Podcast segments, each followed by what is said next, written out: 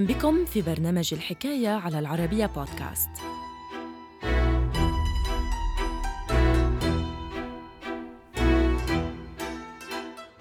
خلال الحرب الأهلية الأمريكية وتحديدا يوم الحادي عشر من تموز يوليو عام 1864 حاولت قوات الكونفدرالية مهاجمة فورت ستيفنز لدخول واشنطن إلا أنها تعرضت لهزيمة قاسية واضطرت للتراجع بفضل الدفاعات الجيدة التي شيدها الجنرال بارنارد.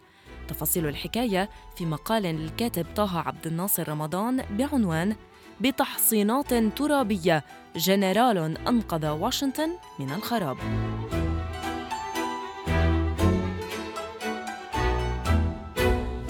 الحكاية.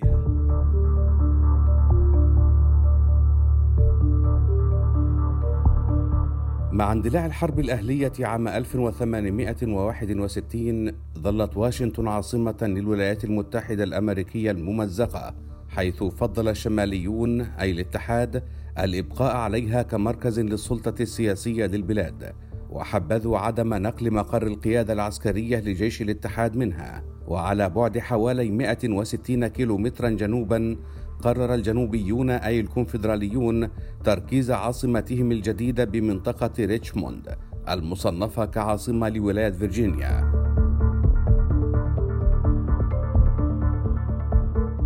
في خضم هذه الحرب التي استمرت لأربع سنوات وأودت بحياة ما يزيد عن 650 ألف أمريكي مثل سقوط إحدى هاتين العاصمتين نهاية الحرب بالنسبة لكثيرين ولهذا السبب اتجه كلا الطرفين لتأمين عاصمته من أي هجوم محتمل.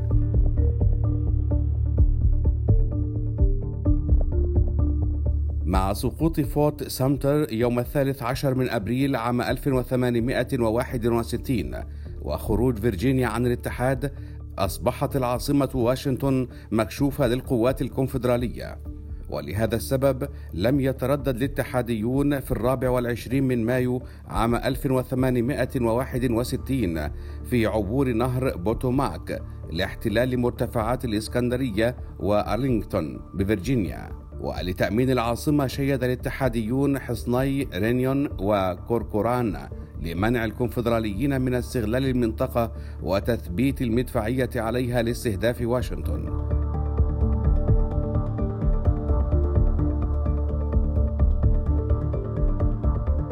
ومع خسارتهم لمعركة بول ران الأولى المعروفة أيضا بمعركة مناساس الأولى على بعد حوالي 50 كيلو مترا من واشنطن يوم الحادي والعشرين من يوليو عام 1861 اقتنع الرئيس الأمريكي أبراهام لينكولن وأعضاء الكونغرس بضرورة القيام بالمزيد لإنقاذ العاصمة.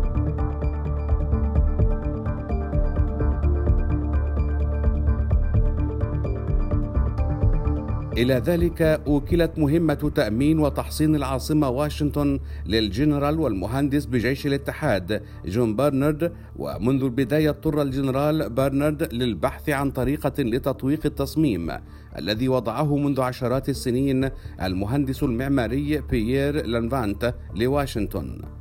وعقب جملة من الأبحاث قرر جون برنارد وضع تحصينات ترابية حول العاصمة وتطويقها بشكل كامل لمنع الكونفدراليين من دخولها من جميع الجهات.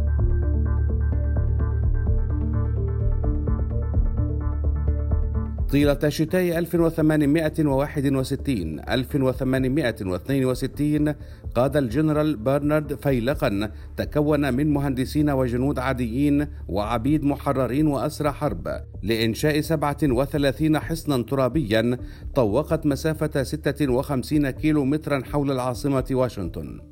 وبنهاية الحرب ارتفع عدد هذه الحصون الترابية حول واشنطن ليقارب 68 حصنا شيدت بشكل جيد لتحمل ضربات المدفعية وحماية الجنود الاتحاديين خلفها.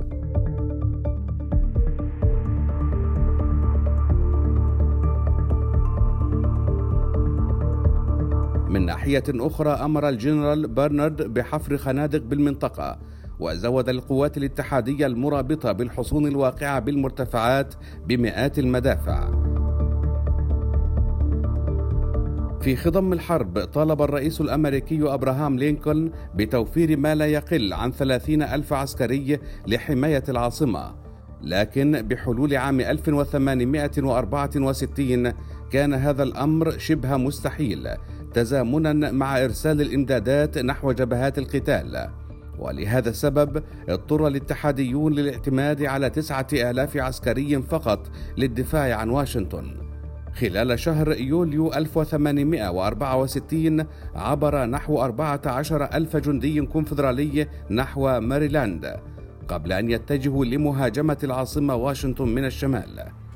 ويوم الحادي عشر من نفس الشهر حاولت هذه القوات الكونفدرالية مهاجمة فورت ستيفنز لدخول واشنطن إلا أنها تعرضت لهزيمة قاسية واضطرت للتراجع بفضل الدفاعات الجيدة التي شيدها الجنرال برنارد